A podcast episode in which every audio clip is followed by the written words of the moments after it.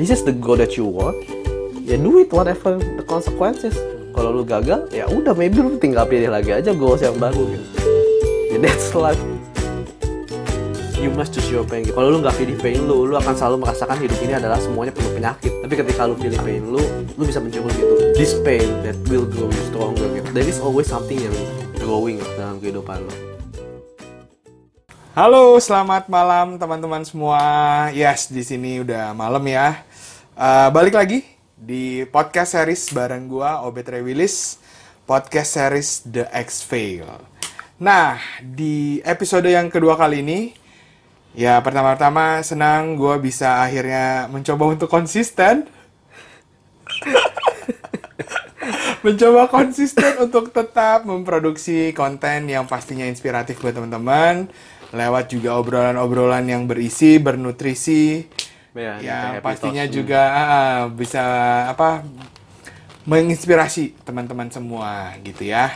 Nah di episode kedua kali ini kembali lagi gua tidak sendiri, gua bersama ah, rekan gua, rekan seperjuangan. Saat ini, oh mungkin kita gambarin dulu kali ya, eh, kita lagi di di mana gitu ya Pak Oh, ya. boleh, boleh, iya, boleh. jadi saat ini kita sedang berada di base camp kita. Ini Base camp ya? Dari dulu iya, ini udah base dari camp dulu ya? udah base camp. Jadi base camp di eh, waktu itu gua di kantor lama gua sebelum yang sekarang. Kantor lama di daerah Brawijaya ya. Iya, di daerah- satu daerah elit di Jakarta Di Selatan. Jakarta Selatan. Iya.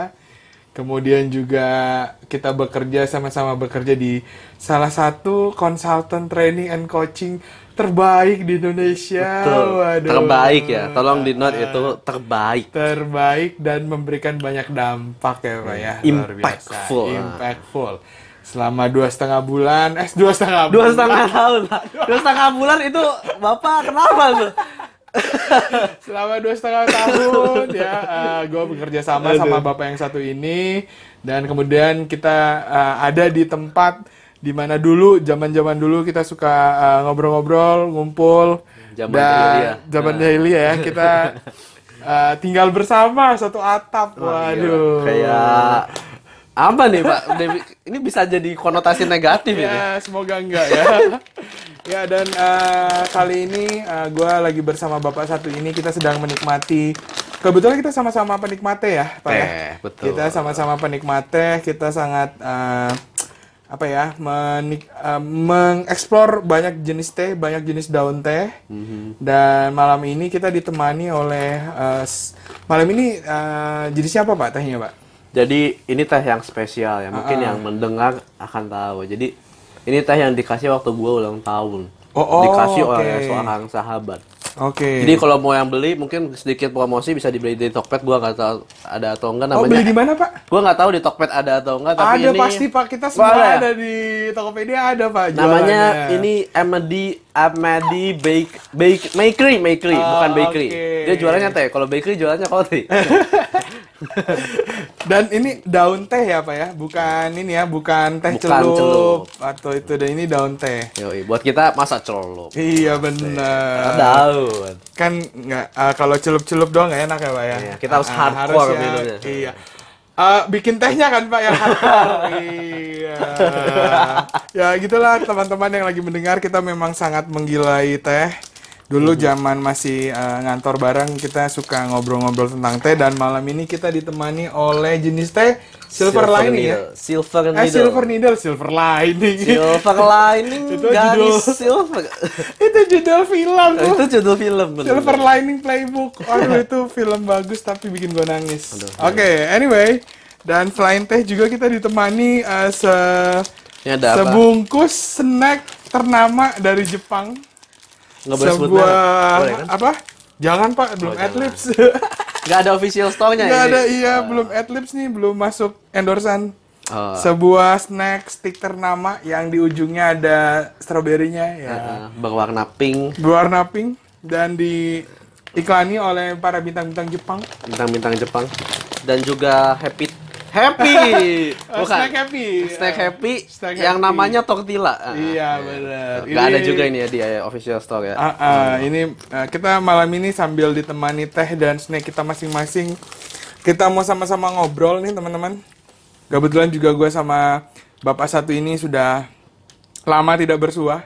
Waduh, Dulu kita sering mengobrol tentang hidup dan dia selalu punya banyak cerita untuk dibagikan. Selalu punya banyak insight yang gue juga banyak belajar dari dia. Dan semoga malam ini juga teman-teman yang juga mendengarkan podcast ini, mendengarkan obrolan ini juga bisa belajar banyak. Ya Pak ya. Amin, Amin. Pak. Oke, mungkin boleh nih Pak dari tadi mungkin misterius ya kita gua manggil Bapak Bapak gitu. Siapa? Kita kenapa ya? Kayaknya kebang- kebiasaan Iya, hidup di klien, jadi manggilnya Pak, Bapak, Pak. Ya, di kantor iya, gue manggil semua orang Pak, gue juga bingung. Sekarang kan posisi saya posisi saya di klien. Oh, iya. Bapak yang dari eksternal. Waduh sombong amat. Jadi saya harus servis Bapak hari ini.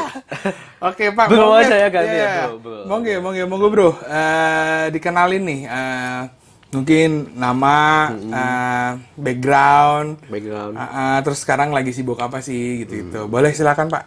Oke, jadi halo semuanya. Eh, terima kasih Bet sudah mau menginvite gua. Waduh. Yang- Sibuk nih, susah cari jadwal. Remah-remah jadwal ya saya. jadwal. Oke, so nama gue Stefanus. Eh, saat ini gue bekerja sebagai consultant. Boleh sebut nama perusahaan? Boleh, boleh, Oh, boleh. ya. Di Dinarji, Dinarji. salah satu konsultan terbaik di Indonesia Yes. buat yang butuh people and culture. Endorse ya sekalian ya. kan episode 1 endorse juga pokoknya.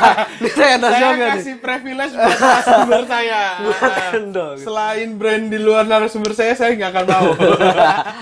ya jadi uh, basically gue uh, consultant Ah, ah, consultant ya. ya basically gue uh, datang ke klien kerjaan gue mulai dari diagnosa kebutuhan mereka apa Hmm. bikin modulnya bikin proposal and delivery and at the other hand sebenarnya gue juga apa ya bisa dibilang gue punya sampingan lah Hmm. Seba gue sebagai owner juga dari sebuah statistik consultant Statistik Iya, konsultan. betul. Wow. Jadi kalau ini sih lebih kayak bisnis sampingan dan kayak gua nggak terlalu banyak terlibat karena sekarang partner gue yang lebih banyak ngerjain. Oke, lu tinggal terima bersihnya aja ya. Betul, saya cuma jadi tukang tagih. Oh, udah ada proyek tiga, gue kirim pun tiga, pokoknya orang bayar selesai. Dah, itu kerjaan gua sekarang, tukang tagih. Terus habis itu duit dengan gampangnya masuk ke rekening lu ya. Iya, jadi itu masuk gila, rekening gua ya, tinggal distribusi gaji kalau nggak gila. gitu kan. So jadi selain uh, lu juga sekarang lagi sibuk sebagai konsultan di Dinarji Indonesia ya. Mm-mm. Uh, konsultannya bergerak di bidang apa? Bisnis apa, Steph? Di bidang uh, people and culture, so People and culture. intinya kan bahwa apa ya, kita hidup di dalam sebuah perusahaan nggak terlepas dari orang ya. Betul, betul. Ya kan lu bagian dari Dinarji dulu, Ben. Betul, betul. Jadi mungkin Bapak yang iklanin gimana, Nggak Pak? Bapak dulu. Oh, saya dulu. Iya, Oke, kan siap. Bapak yang masih kerja di sana. Nanti saya dimarahin perusahaan saya Oh, iya. sekarang kan. Bener ya. Bener. Eh, ya, so intinya kan basically karena kita nggak pernah terlepas dari perusahaan. Ah.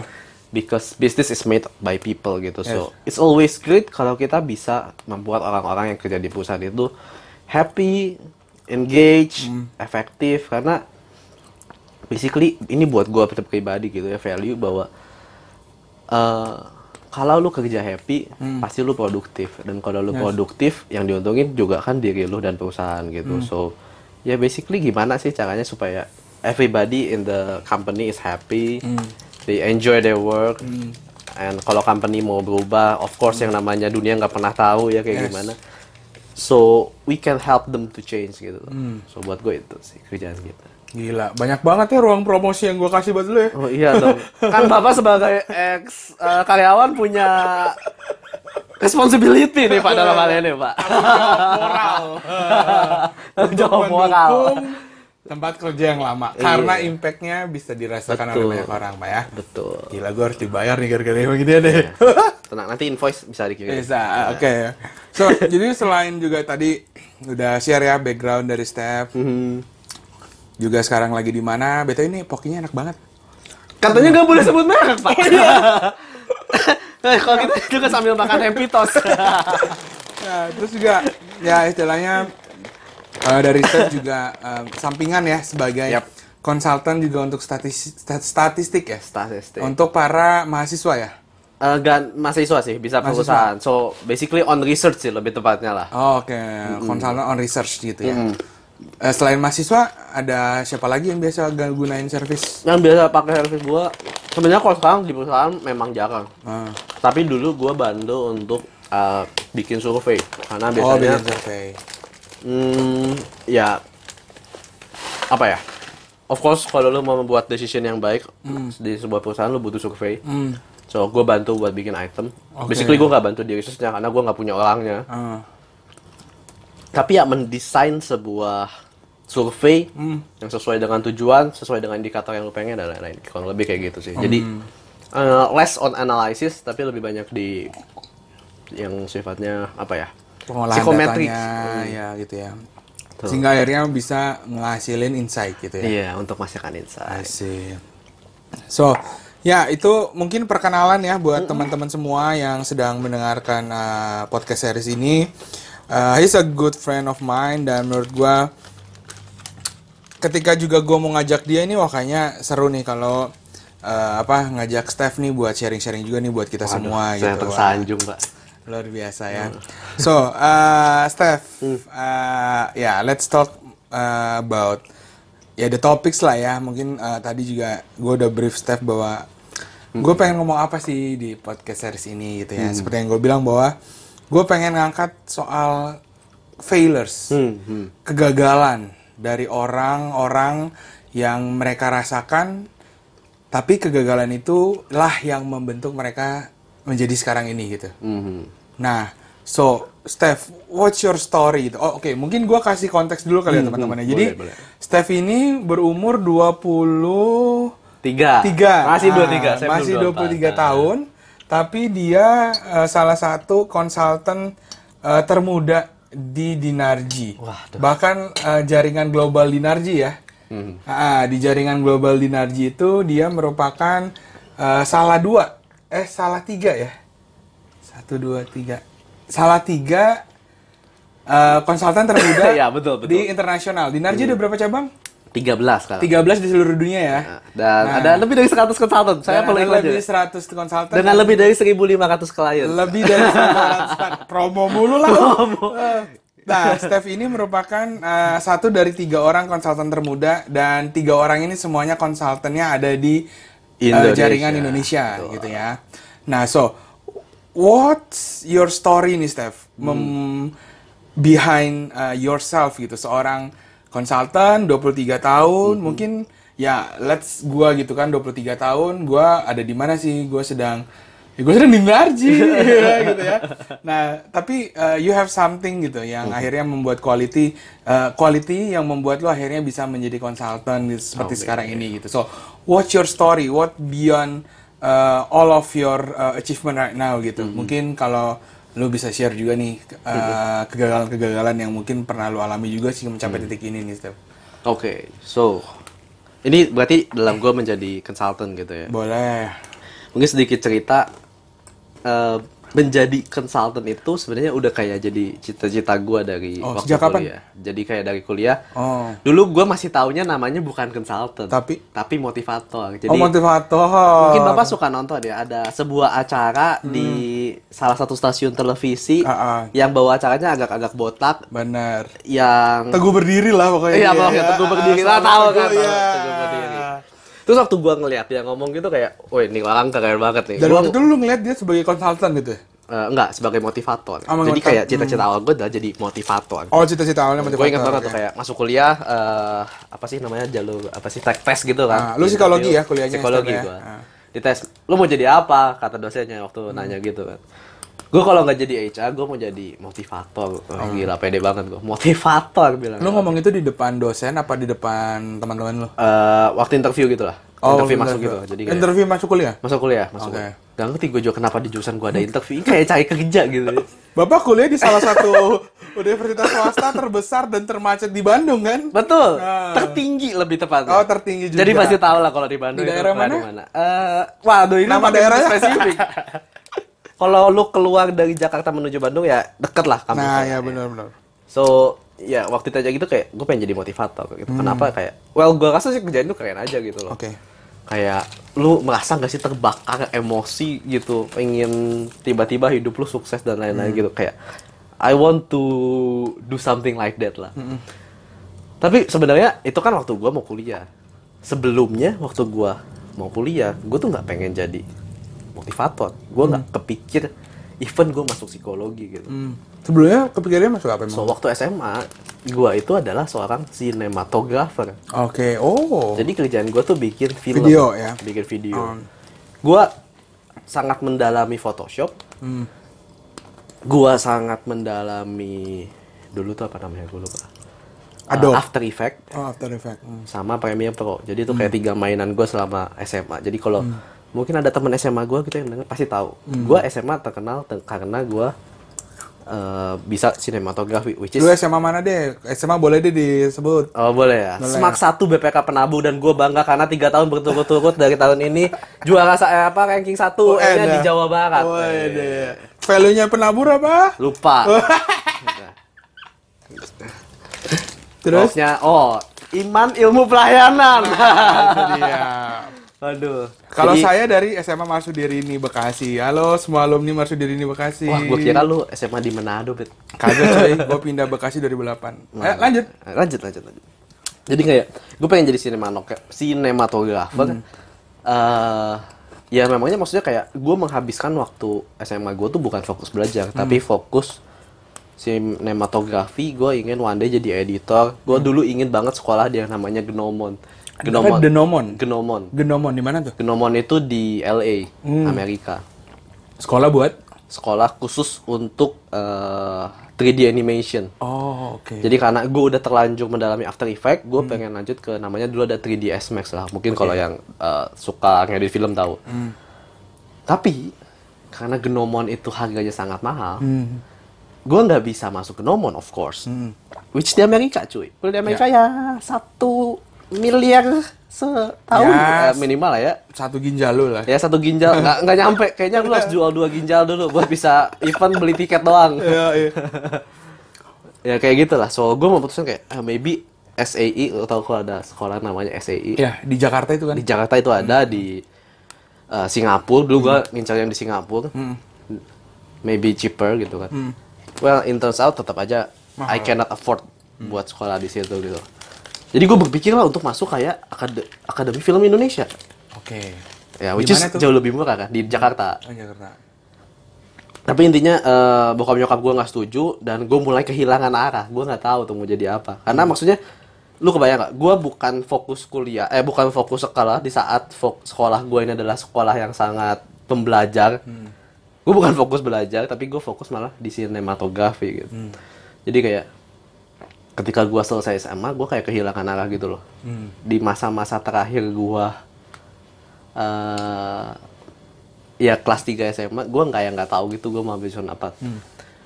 Terus karena gue kayak terpikir waktu itu gue punya temen di sekolah lain ada pelajaran filsafat di sekolahnya dia. Well, kayaknya filsafat menarik tapi gue tahu filsafat nggak menghasilkan uang jadi ya udahlah gue ambil psikologi. Kenapa Bapak berpikir seperti itu? gue kan nanya kan gue sempet nanya tuh gue mau ke ya lu tahu universitas gue Heeh. ada seberangannya Oh, depannya ada. bukan bukan Oh, bukan. aliran Oh, kayak alirannya. ya kan kalau Ya. gue kan sekolah K kalau ini ada IK Oke. oke gitu ya Eh, ada jurusan filsafat terus gue tanya kan belajarnya ngapain sih Hmm. ya kurang lebih lu kalau selesai jurusan filsafat lu jadi penulis buku filsafat Hmm. atau lu mungkin masuk ke jurusan lain mungkin lu akan masuk ke bank.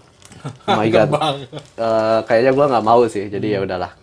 Gua ambil psikologi. Terus gua dengan pedenya dengan nilai gua yang pas-pasan itu gua daftar UI Oke, UI.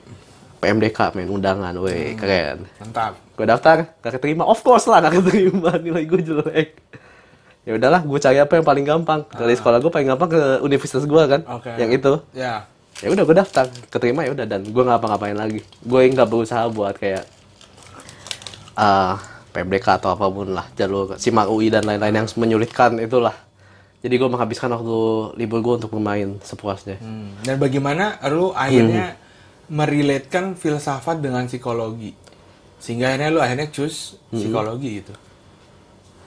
Sejujurnya gue nggak tahu sih Bet. itu Oh, gue ngarang aja kayak baik. oh filsafat Eh, ya apa ya filsafat yang agak menghasilkan duit kayaknya psikologi ya udahlah gue ambil psikologi aja tuh orang tua gue bilang boleh ya udah Sebuah pemikiran, teman-teman. itu sebuah pemikiran yang sangat insightful ya sebagai anak betul, SMA betul, betul. yang kehilangan jati diri Bapak udah melaksanakan higher order thinking gitu. Higher order biasa. thinking gitu. mungkin gue mendapat wahyu gitu dalam mimpi atau apa ya gue nggak tahu Baik, baik, baik, baik, terus? Gitu so jadi kayak mungkin apa ya mungkin karena gue banyak nonton bapak botak itu kali jadi gue terpikir psikologi gitu ya. Oh, oke. I don't know sih tapi ya masuklah akhirnya gue ke psikologi. Tapi sebenarnya kayak along the way gue kuliah di psikologi gue menemukan hal yang lain dari psikologi yaitu dunia research. Jadi kayak gue cuma kayak semester 1 2 doang gue pengen jadi motivator. And then gue masuk eh, dulu ada kalau gue yakin kalau anak psikologi pasti tahu ada mata kuliah namanya intervensi Hmm. Di UI ada kan? kelompok nih? kelompok Kita oh kelompok. which is begin training Iya, iya. dan gue bilang this is a lot of crap this is a lot of bullshit Hmm. Oh, lu menyangka-ngangka dulu mata kuliah itu sampah. Iya, karena gue mulai kehilangan kepercayaan pada Bapak Botak karena Bapak Botak kasus. Nah, iya. Betul. Dan gue bilang kayak, man, this is bullshit. Dia tiap hari memotivasi orang, tapi kayak Karena jatuh juga dia. dia ya. juga jatuh juga. Buat gue, ah, they just selling. Dan kita tahu Iya, ceritanya. dan kita tahu ceritanya. Kita tahu cerita yang sebenarnya. Bertanya-tanya kan? Iya. Boleh follow IG gue. lanjut, lanjut. lanjut, Iya. lanjut, lanjut. So, udah gitu kayak, oke gue mendalami research, research, research, research, dan kayak eh, sampai beneran gue mendalami research, dan gue melupakan diri gue untuk menjadi seorang eh, trainer mungkin, atau motivator gitu. Sampai gue ketemu sebuah acara yang menurut gue cukup eh, revealing lah. Gue datang ke acara itu untuk ngeceng, Untuk ngeceng. Untuk Maksudnya ngeceng. Iseng aja gitu iseng, datang. ngeceng, ngeceng, Ah. ngeceng, beneran ngeceng. Oh, Oke. lu, ba- lu bayangin sebuah acara isinya eh, dari berbagai universitas, isinya anak pinter semua. Buat gue itu kayak tempat pas buat ngeceng gitu loh. Oke. Psikologi, cewek semua kan. Iya betul betul. Satu banding sembilan. Ya, satu banding sembilan di psikologi. Makanya anak-anak psikologi suka nyari cowok ke teknik. Betul. Seberang ke kampus Ke seberang. FKG. Ah, ah. eh. Mejeng di food court buat dandan rapi biar diliatin anak teknik. Waduh. Sedangkan cowok psikologinya ngapain? Ngapain? Gak dilirik kita duduk di kursi paling belakang aja. Sedih ya? Ya. Sedih ya. Oke, ya udah. lanjut lanjut so gue melihat kayak eh, which is dia dari pembicaranya dari Dinarji ownernya kita dan gue sangat inspired sama dia kenapa? Karena buat gue gini eh gue sebagai orang psikologi udah tahu topiknya. Maksudnya it's about minat dan bakat lah. Orang psikologi tiap hari belajar minat dan bakat gitu. Yang menarik buat gue adalah dia bisa membawakan minat bakat itu di level maksudnya apa ya what to do gitu. Loh Oke. what to do karena kayak sering Udah kali sampai lu- praktikalnya lah ya gitu. iya kayak lu sekali kali belajar psikologi tuh apa ya maksudnya oke lu ngerti cara pakai sebuah alat ukur psikologi dan lain-lain tapi what nextnya gue bingung tetap loh. Kayak gue bisa baca hasil assessment orang terus ini orang harus ngapain? Ya kayak kita cuma bilang ya udah lu masuk eh, apa? Lu masuk teknik gitu misalnya. Tapi kan belum tentu bahwa dia emang suka teknik gitu. Dari hasil ya hasil assessmentnya oke nunjukin teknik. Tapi kan belum tentu dia pengen teknik atau orang tuanya setuju teknik dan lain-lain gitu loh. So buat gue karena this is practical enough gue bilang hmm, kayaknya menarik juga kerja di situ ya. Gue mulai teringat kembali bahwa dulu gue pengen jadi kayak Motivator trainer, itu, ya ya. motivator gitu, gitu. terus kayak akhirnya gue ngelamar di Dinarji eh, terus well, well di Dinarji we are not trainers. We are consultant. Kenapa? Gue sukanya bahwa we don't deliver just what they want. We do something what they need and what make them change gitu. And then waktu kayak pertama kali gue masuk ke kelas di Narji gue melihat bahwa oh this is different we train how to change the behavior maaf ya ini jadi promosi tapi this is true this is true Iya, iya. It's your story, man. Iya, jadi kayak Betul, gue boleh nambah pokinya lagi nggak? Oh boleh boleh. Boleh ya, oke. Happy toast dulu gimana pak? Biar gak usah itu. Biar gak usah. Enak sumpah. Enak lanjut, ya? lanjut. Lanjut ya. And dari situ kayak gue bilang, well, I want to be a consultant. Kenapa? Gue orang yang percaya kayak gak peduli lu seberapa muda atau seberapa apa pun, tapi kayak kalau lu emang berusaha banget, lu tuh pasti bisa gitu. Menurut gue tuh kayak apa? Well, saya buat kayak buat gue orang psikologi gitu ya. Mungkin belajar coding gak masuk akal. Tapi apakah gue nggak bisa coding? Bisa dulu gue pernah belajar coding, maksudnya gue sampai bisa coding gitu. Tapi kayak ya kalau lu mau berusaha ya pasti bisa gitu. Yes. Sering kali lu cuman lu udah nyekah duluan. Benar. Terus karena lu udah nyekah duluan ya udah nggak bisa. And Kadang- terbukti. pikiran kita ya yang ngeblok eh, kemampuan kita gitu ya. Mhm. Padahal sebenarnya kita tuh bisa punya kemampuan berkembang tapi terkadang mind blocking kita nih yang akhirnya menghalangi kita untuk berkembang gitu ya. Yes, betul. Jadi ya, come on, gue waktu SMA, gue bodoh banget sama yang namanya matematika. Kerjaan gue remedial. Tapi maksudnya di kuliah, I break it dengan menjadi seorang ahli statistician. It doesn't make any sense kan? Iya. But it can gitu. Gue pengen jadi researcher, of course gue harus bisa statistik. Gue belajar ternyata bisa. Dan sama gue pikir kayak, gue pengen jadi consultant. Ya gue lakuin, and terbukti, proof kayak dalam satu tahun lebih, eh, bos gue percaya buat gue jadi consultant. And ya itulah. So, mungkin kalau kayak kalau lu tanya kegagalan apa yang terjadi dalam kehidupan gue ya mungkin kayak kalian nyadar sih. Dulu cita-cita gue jauh banget dari kerjaan gue sekarang kan. Tapi mungkin kayak kalau waktu itu gue sanggup bayar gitu kuliah di SAI atau di mana pun orang tua gue jadi, maybe bukan gue yang sekarang. Mungkin gue nggak akan ketemu sama Obet gitu loh. Mungkin kayak apa ya? Ketika orang maksudnya apa ya, kayak di dalam kerjaan gue sekarang satu hal yang paling menyentuh gue adalah ketika orang bilang uh, thank you for the sharing gitu Yes. loh kayak mungkin buat gue itu sesuatu yang knowledge yang biasa tapi nggak selamanya buat orang lain itu hal yang biasa kan. Mungkin kayak kalau gue jadi seorang videografer gue bisa bikin film yang oke tapi nggak jarang sebuah film bagus secara animasi but nothing it's affect nothing in people's life gitu nah baik lagi kayak value gue adalah I want to do something that affect people life gitu Yes. loh so mungkin ya ini jalan terbaik gitu loh buat gue Wah gila kalau gue mau tepuk tangan gue pengen tepuk tangan dah jangan pak jangan pak Cuman jangan udah malam ya ntar Jangan, jangan. bapak kosannya marah. oh nggak apa-apa sih Oh, bapak nggak apa-apa. kosan jauh Oh, di kosan jauh. Oke. So, Hmm. berarti I mean your path is quietly apa ya different one another lah gitu ya Steph mulai dari eh, apa eh, SMA terus Hmm. kemudian ke eh, kuliah dulu Hmm. mungkin SMA lu kuatnya di mana atau minatnya di mana and Hmm. then pas masuk kuliah berubah kemudian juga pas eh, peker- di pekerjaan ternyata lu juga menekuni eh, satu bidang yang mungkin berbeda juga ya dari Yap. yang lain gitu betul betul So, uh, what makes you keep going on gitu? I mean, Mhm. nggak banyak orang yang mau break their comfort zone, Mhm. break their uh, istilahnya path mungkin ya, path yang sudah direncanakan sebelumnya gitu, Eh, hingga uh, kadang-kadang sampai nggak siap shit happen gitu kan. Nah, but what makes you keep going on gitu? It's uh, mungkin konfirmasi dulu. It's an easy way or it's a difficult way? Waduh, For you. difficult sih. Hmm. Well, gue cerita dulu mungkin Boleh. ya kayak difficultnya. what makes me go- mungkin apa ya relate sih lah sama what makes me going on. So kalau gue bilang kayak waktu dari dulu gue SMA ke kuliah, gue tuh putus asa banget. Maksudnya kayak, come on, gue menghabiskan masa SMP SMA gue untuk mempelajari sesuatu yang gue sangat suka, which is uh, bisa dibilang kayak art lah ya. Maksudnya it's Photoshop, it's After Effects, it's Premiere.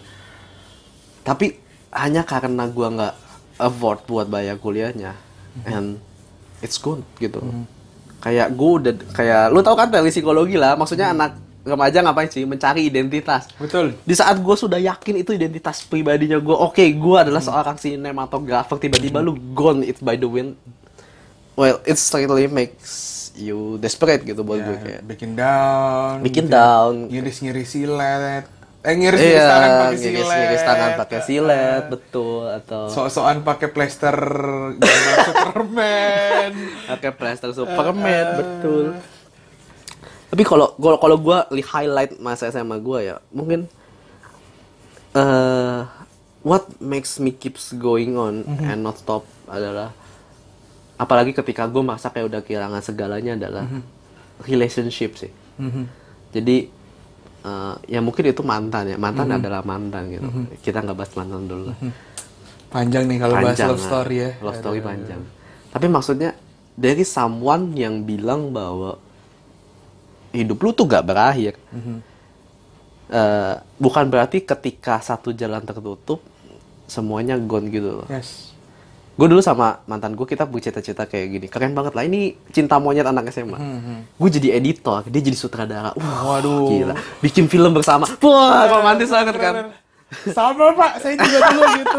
Wah kita bikin klinik bersama ya klinik psikologi bersama. Gila ya. Cita-cita anak SMA tuh bener-bener wow romantis cuy. Bayangin gak sih kayak mantan gue bikin- denger podcast ini apa kagak ya? Kalau menurut gue sih denger sih. Mungkin mantan gue juga bakal denger wah anjing ya udah maaf ya tapi well it's true gitu. yes I mean eh justru kalau dia kayak kebalikan gitu loh. Dia disuruh ke Amerika nggak mau cuy. Gue nggak ngerti kenapa. nggak mau keluar ya Iya, dia punya all dia punya semua uang, dia punya all the privileges to go to anywhere yang dia pengen mau ambil apa pun bisa, tapi kayak dia nggak mau and tiba-tiba dia menemukan passion di tempat lain eh, jadi ilmu komunikasi. Well, agak Oke, sedikit mirip lah, tapi bukan jadi director. ya Dan maksudnya ketika dia bisa menemukan lagi, mungkin gue juga bisa menemukan ya. Makanya gue sedikit masih berharap lah kayak psikologi. Although sebenarnya lucunya mantan gue juga menentang gue masuk psikologi, tapi dia bilang ya maksudnya kayak there is still another way lah. Someone that, that support gitu. And then waktu kayak gue kuliah apakah mudah atau enggak? Sulit. Kenapa ya? Kayak waktu tuh cuma 24 jam betul kan? Lu harus memilih lu memilih apa gitu kayak lu mau memilih hidup yang nyaman kah? Bisa main tiap hari. Yang which is kayak kalau lu kalau lu waktu SMA mungkin masuk kuliah lu menemukan kayak ada orang yang bilang kuliah tuh enak kenapa? Ada hari liburnya cuy. Oh. atau lu kuliah mungkin segini jam terus udahnya bisa liburan panjang. Oh. gue enggak gue mendedikasikan bener-bener kayak semua kehidupan kuliah gue buat belajar. Kayak gue main sambil belajar. Gue main dengan teman-teman gue ya belajar. Gue ikut debat untuk apa melatih otak gue dan macam-macam gitu.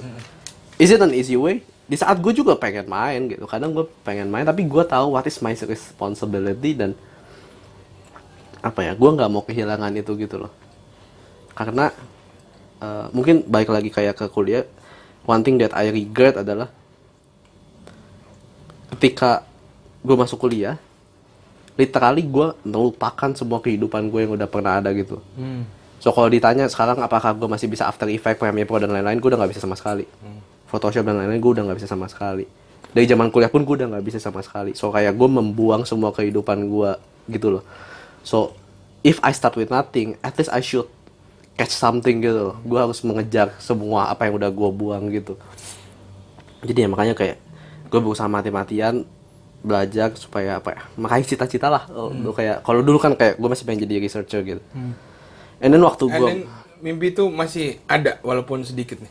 jadi As apa? a researcher itu. as a researcher yes. Kenapa? That's why kenapa gue nggak mau tuh uh, lepasin bisnis gue yang lain which is adalah uh, as a research consultant lah statistic consultant. Karena gue nggak mau mengulangi kebodohan gue yang dulu. Kayak oke lu boleh aja gitu kuliah di psikologi tapi kan bukan berarti lu ngelu- bisa ngelupain semua apa yang udah lu pelajari gitu loh Betul, betul. dan gue nggak mau itu terjadi lagi gitu kayak I have built apa ya my skills on research. Terus karena gue kerja di consultant bukan berarti gue buang itu seenaknya maybe gue bisa menemukan integrationnya gitu. And mungkin kayak waktu gue masuk ke dunia kerja dunia consultant itu sebuah dunia yang baru even bisa dibilang kayak oh mungkin cuma kayak 10-20% ilmu gue yang kepake gitu di psikologi and of course kayak pindah ke Jakarta dari Bandung it's like uh, start your life from zero gitu loh. Apakah itu mudah? Enggak sih kayak pertama kali gue datang ke Jakarta karena gue uh, lulusan awal-awal di psikologi tuh di kampus gue terkenal tuh. Terkenal apa tuh? Terkenal susah lulus. Jadi yang bisa lulus tepat waktu itu cuma kayak 10-20% populasi lah. Yang bisa lulus 4 tahun itu orang-orang yang terpilih ya. Terpilih. The chosen one. lah. Terpilih oleh dosen pembimbingnya. literally one. yang lulus literally one. Iya, The chosen one literally one.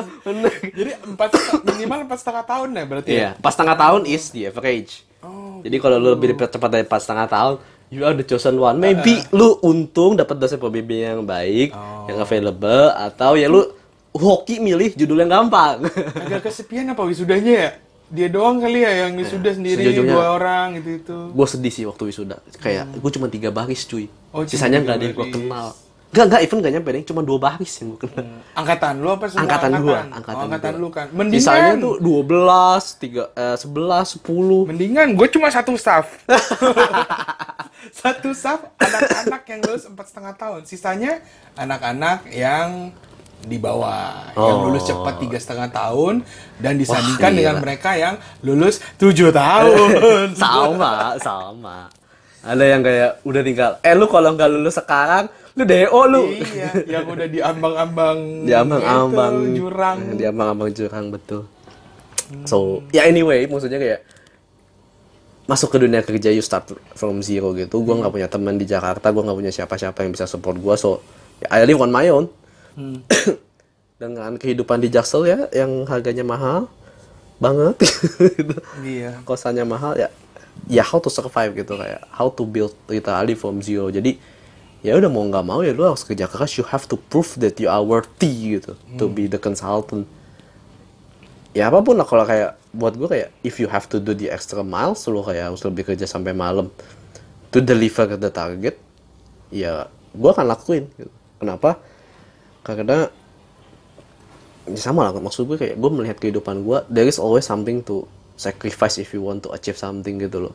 Nggak bisa lu kayak cuman normal-normal aja and then lu achieve something great ya kalau lu put normal effort ya you get normal result. Jadi kalau lu mau kayak extraordinary effort ya lu have you have to do extraordinary effort juga gitu. Kalau kata Deadpool apa 100% effort ya. Maksimum effort. maximum effort. Deadpool. beyond maximum Iya, effort. Benar kalau kayak podcast sebelumnya kan apa? Grit ya. Eh, butuh ah, grit grit dari Angela Duckworth. Angela Duckworth. Eh gue dengerin tuh Mantap. episode 1 tuh. Narasumber terbaik. Semua melakukan riset sebelumnya ya. riset dulu. Riset dulu. Anak riset saya iya, bener, butuh bener, riset bener. dulu butuh data. Nah, tapi gini, Chef. Hmm. uh, I want to talk deeper ya. Um, dari gue juga mengalami beberapa kekala, kegagalan signifikan ya beberapa tahun ini dan it hurt me the most. Hmm. It brings me some um, apa ya consequences lah buat diri gue, buat mindset gue juga nyerang ya self worthiness gue, self esteem dan segala macam ya. Nah kalau dari yang lu alami nih, apa yang lu rasakan dari kegagalan yang mungkin sepanjang perjalanan ini lu hadapi itu dan come up di satu poin akhirnya why you have to stand up gitu? Kenapa lu harus keluar dari kubangan toxic ini yang mem- eh, yang berasal dari kegagalan yang lu itu gitu? Yep. apa ya? Hmm. wah this is hard Eh, nah makanya gue bilang kita akan talk deeper. Talk waduh. so ya apa efeknya ke lu itu yang lu rasakan dan why akhirnya lu bilang gua harus keluar dari eh, jebakan ini gitu soal eh, apa hal-hal negatif dari kegagalan ini itu So apa ya? Kalau buat gua pribadi ya, uh, the biggest consequences yang terjadi dari gua adalah ini kebe- kebetulan nih kan baru nonton 13 Reason Why ya. Ah. 13 Reason Why kan cerita orang depresi. betul Dan intermezzo sedikit banyak katanya orang jadi ikutan depresi karena nonton 13 nonton itu Reason Why. tapi lu biasa aja Gue nonton 13 Reason Why, maaf banget nih ya buat penonton yang lain nih. Gue biasa aja serius. Tapi gue gue menyadari kenapa gue bisa biasa aja gitu. Karena apa yang dialami di film itu mungkin bikin orang jadi penasaran buat nonton buat yang belum. Gue pernah melalui hal itu. yes And kalau through ya ya I've been through gitu. Maksudnya kayak dulu waktu gua SMA the hardest thing buat gua adalah ketika gua sedang mengejar eh, mimpi gua Hmm. teman-teman di sekitar gua tuh kayak eh, dan mungkin gua nggak tahu sih eh, orang tua gua appreciate atau enggak itu like not appreciating gitu Hmm. And dulu karena gua terlihat seperti anak geek yang which is dengan laptop dan eh, ya editing ya. Maksudnya editing kind of thing gitu. Ya ya. Di depan komputer terus lah di istilahnya depan komputer terus. Eh, relationship it's kinda hard in my high school for me. Oke. Although eh, seperti gua teman dekat dengan mereka tapi kayak mungkin gua adalah anak bawang. Hmm. gue nggak tahu apakah itu realita atau enggak tapi seperti Hannah Baker it's a perception for me gitu for me kan. Mhm. so the consequences ketika lu gagal apa ya, maksudnya gue mengorbankan relationship oke fine lah buat gue nggak apa-apa relationship gagal. At least I have my dreams. Hmm. and then ketika dreams itu gagal what do you have anymore? Iya kan? Lu kehilangan segala apa yang tersisa dari lu Steph? Apa yang tersisa dari gue Hmm. ketika untungnya masih ada mantan gue kalau nggak mungkin gue hari itu bunuh diri. Hmm.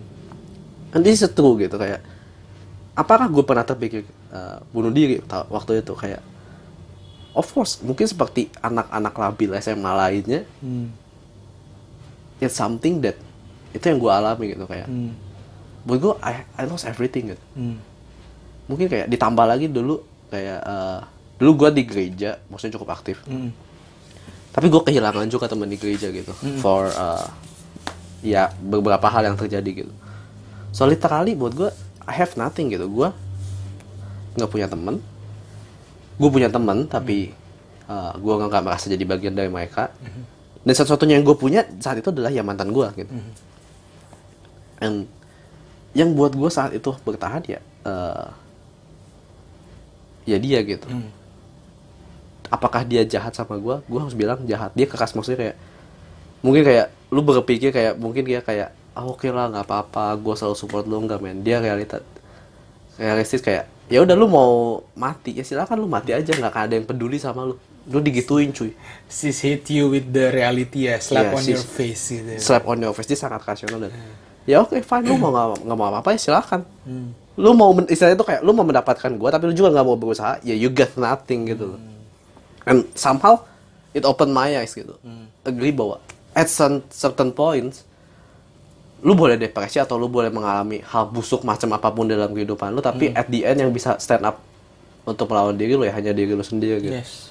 That's why kayak kenapa gua mungkin kayak kalau yang uh, kenal gua di kuliahan gue punya satu wall- wallpaper di laptop gue yang nggak pernah gua ganti. Sampai sekarang nih laptop masih ada nih. Mana? Ada di sini. Oh, gue lupa laptopnya ada di mana. Laptop legendaris itu laptop ya? legendaris itu. Ah, apa tuh? Wallpaper apa tuh? jadi tulisannya kayak gini. Ini quotes. Ah, quotes. Uh, sometimes I want to give up in life Hmm. but I have a lot of motherfuckers to prove that they are wrong Hmm. mungkin kayak Pak mungkin boleh lebih eh, agak pelan-pelan apa Pak? oh agak pelan-pelan ya Ah, biar quotable nih. Quotable Ah, ya, benar. quotable. Sometimes. Sometimes I want to giving up, Oke. but I have a lot of motherfuckers to prove them wrong. Maaf ya, language, I know. Nggak akan gue sensor. Nggak usah disensor, Iya. please. The, the- itu justru motherfuckersnya gue highlight. Iya betul. Lu bold ya. gue bold. Apa? What what does that uh, meaning to you? What that means to you? What does it mean to me? Karena kayak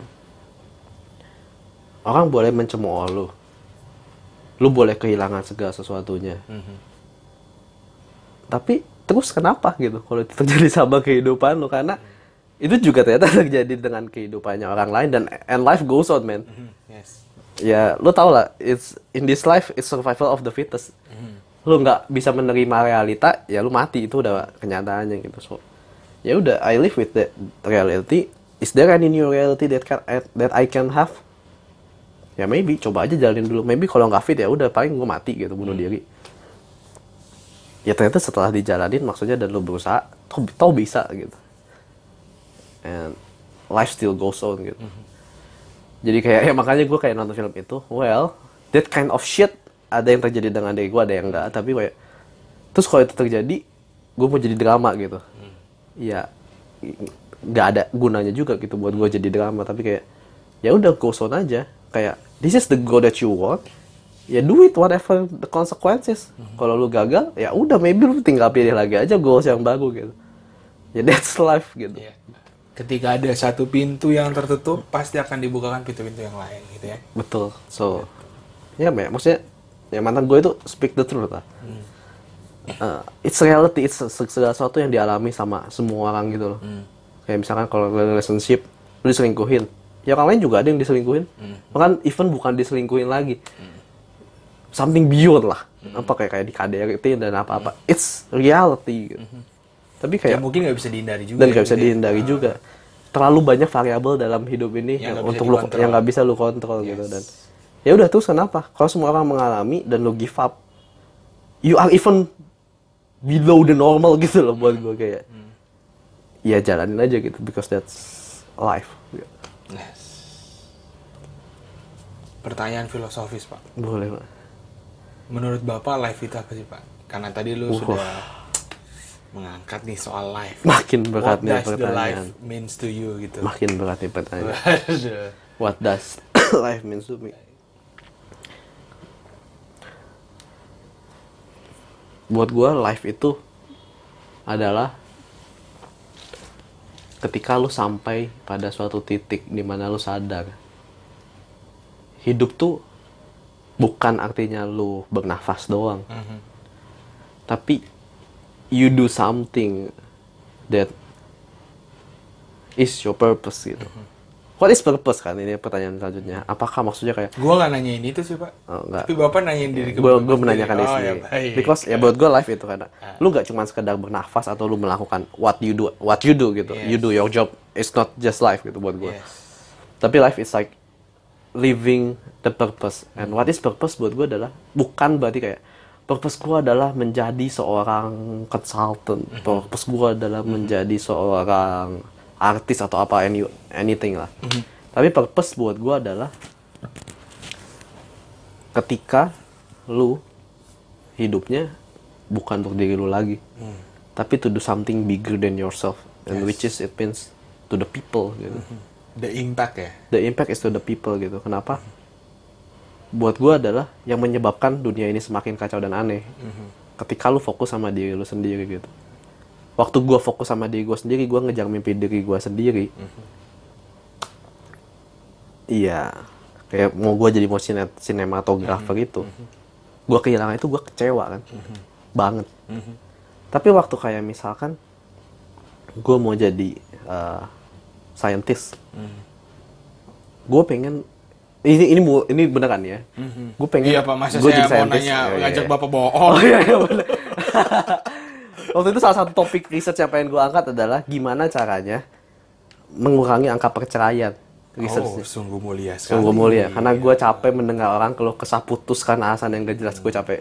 Ya anyhow itu, so kayak waktu gue melihat eh, karir gue mungkin di dalam riset nggak terlalu bagus dan which is saat itu juga gue menemukan kayak become a consultant, ya it's okay, gue nggak masalah eh, karir gue nggak di riset dan gue menemukan hal yang lain karena I still save, I still do the same purpose kayak buat gue uh, giving something to the people ketika orang merasa bermanfaat dengan adanya kehadiran gue gue memberikan membuat orang kehidupannya menjadi lebih baik buat gue it's a good thing gitu. No matter what kayak shit happen in your life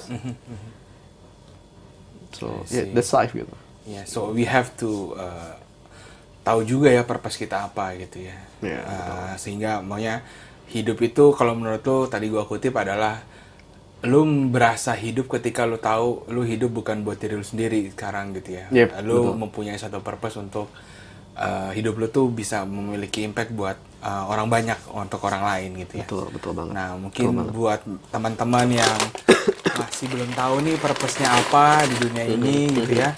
So, let's have uh, you must to find your purpose. Yap. Gitu ya. Betul. Find your purpose. Kayak campaign rekrutmen di tempat saya, Pak. mantap hanya purpose Find your purpose.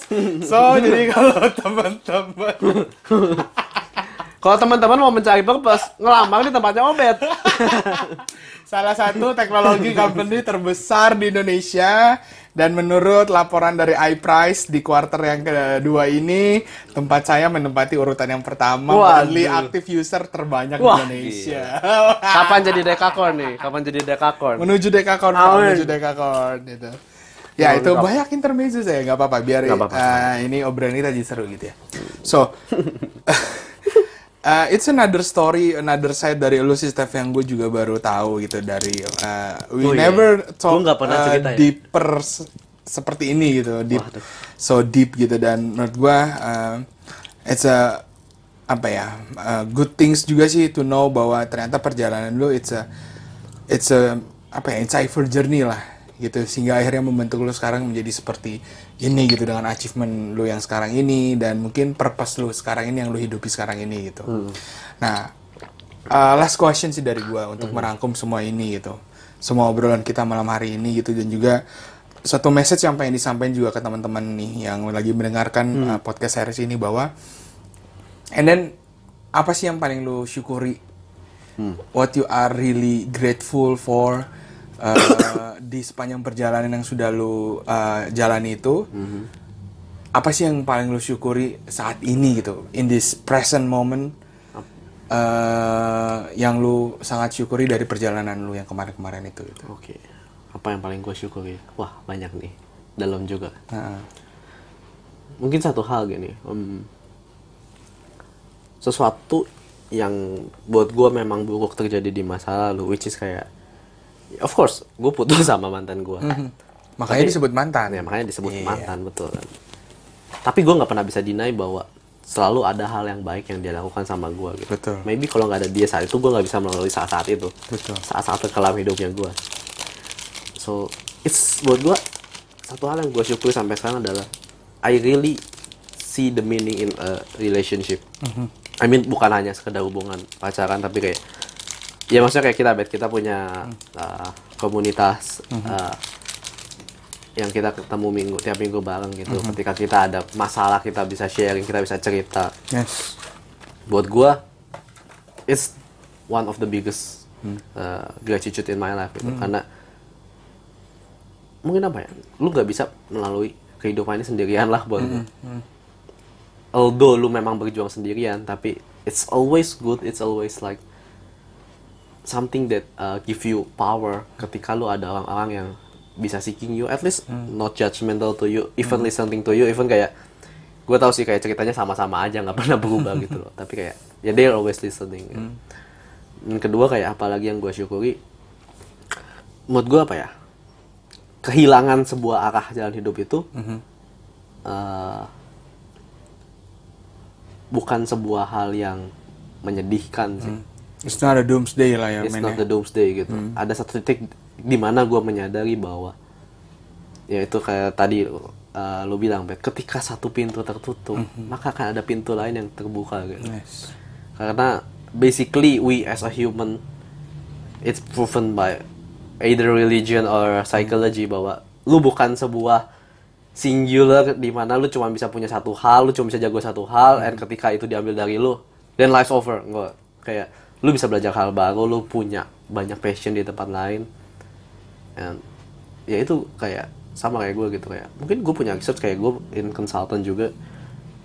It's something that good gitu. Dan ketika lu kembangin apa yang lu suka itu bisa menjadi hal yang memberikan lu power gitu. So ketika sesuatu gagal dalam kehidupan lu lu mendapatkan lagi sesuatu yang baru gitu loh. Dan apa ya buat gue kayak and segala hal mungkin apa ya rasa sakit yang lu rasakan di dalam kehidupan lu menjalani mungkin pekerjaan lu sehari-hari even sampai hari ini juga buat gue itu adalah hal yang bisa disyukuri gitu. Kenapa? Gue nggak akan pernah bisa mendapatkan insight kehidupan dan menjadi nonton film 13 Reasons Why menjadi sesuatu yang biasa. Ketika gue nggak menghayati semua value di balik pain gitu kalau kata bukunya Mark Manson mungkin udah baca The Subtle Art of Not Giving a Fuck Mm-mm. you must choose your pain Yes. karena kalau- live with it gitu ya. Yes, at least you must choose your pain gitu. Karena pain of course akan terjadi dalam kehidupan lu, tapi kayak kalau lu nggak pilih pain lu, lu akan selalu merasakan hidup ini adalah semuanya penuh penyakit.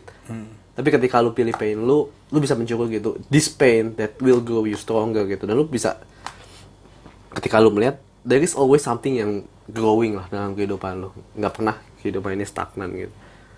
So ya itulah hal-hal yang menurut gua bisa disyukuri dalam kehidupan ini. Luar biasa. Gila, gila, gila, gila, gila, gila, gila, gila, gila. What a insightful night we had in here. Mungkin karena dukungan of- teh silver nih dong. Iya nih, with a cup of tea, uh, a pack of uh, a good cookies, uh, a pocky, Udah strawberry Pocky, flavor. apa-apa, dan Happy Terus Toast juga ada snack happy toast gitu ya. What a insightful moment we have in here. Thank you banget, Steph. Thank you juga Thank Bet, you, sudah uh, uh, mengundang. Thank you for Mm-hmm. being so open to all of us. Buat Semoga- gua dan Mm. juga buat teman-teman yang mendengarkan podcast series ini. Yoi. Dan gue yakin teman-teman, gua personally gue belajar banyak dari lo. Gue dapat banyak insight dari lo dan Amin. gue juga melihat satu sisi lain lah dari lo dan menurut gue it's a good things untuk ngelihat bahwa satu sisi ini yang membentuk lu sekarang menjadi seperti inilah. Is the best ver- is the best version of yourself right now gitu, Amin. gitu ya. Dan gue yakin dan gue juga percaya lu juga yakin bahwa kita tuh harus merayakan kegagalan kita Tuh, agree. untuk kemudian kita bisa memaknai keberhasilan kita. Betul. Kalau kata Dinarji itu Promo lagi sih, obstacle Bapak. become support. Oh, Wah, oke. asik. Kalau di tempat kerja saya bilangnya we have to see obstacles as a challenge. Wah, Eh, asik. sorry, we have to see the challenge as an opportunity. Wah, asik. Waduh, gitu, Pak ya. Mantap gitu. So, Align nih kita ya lain, lain, perusahaannya. lain, lain, lain, Mungkin abis ini bisa. Abis ini Bapak mau Bikin proposal lagi. Eits, eh, Waduh. Tidak boleh terjadi Oh, iya, pembajakan iya. di sini Oh, iya, siap, terang-terangan ya. Oke. So, uh, itu dia teman-teman uh, obrolan gue dengan Steph. Uh, nama lengkapnya Stefanus Arista. Silakan teman-teman juga boleh uh, cari di Instagram. Boleh kenal-kenalan, Boleh. DM, Tuh, DM. boleh, boleh. Nah, uh, Boleh banget. say thank you, saya apresiasi buat teman-teman jika teman-teman merasa dapat banyak dari obrolan ini. Dan uh, gue pun kembali lagi mau mengucapkan terima kasih buat teman-teman sudah mendengarkan podcast series ini. Thank you juga, Steph. Thank you juga, Thank you for your time. Thank you for your place. Thank you for the tea. Thank you for the Ya, cookies. ini lanjut lagi tehnya, Habis kan? ini, ya itu. So itu dia teman-teman episode yang kedua dari The X Wheel podcast series bareng gua Obed Ray Willis. Sampai ketemu di episode selanjutnya. Sampai ketemu. Bye. Bye-bye.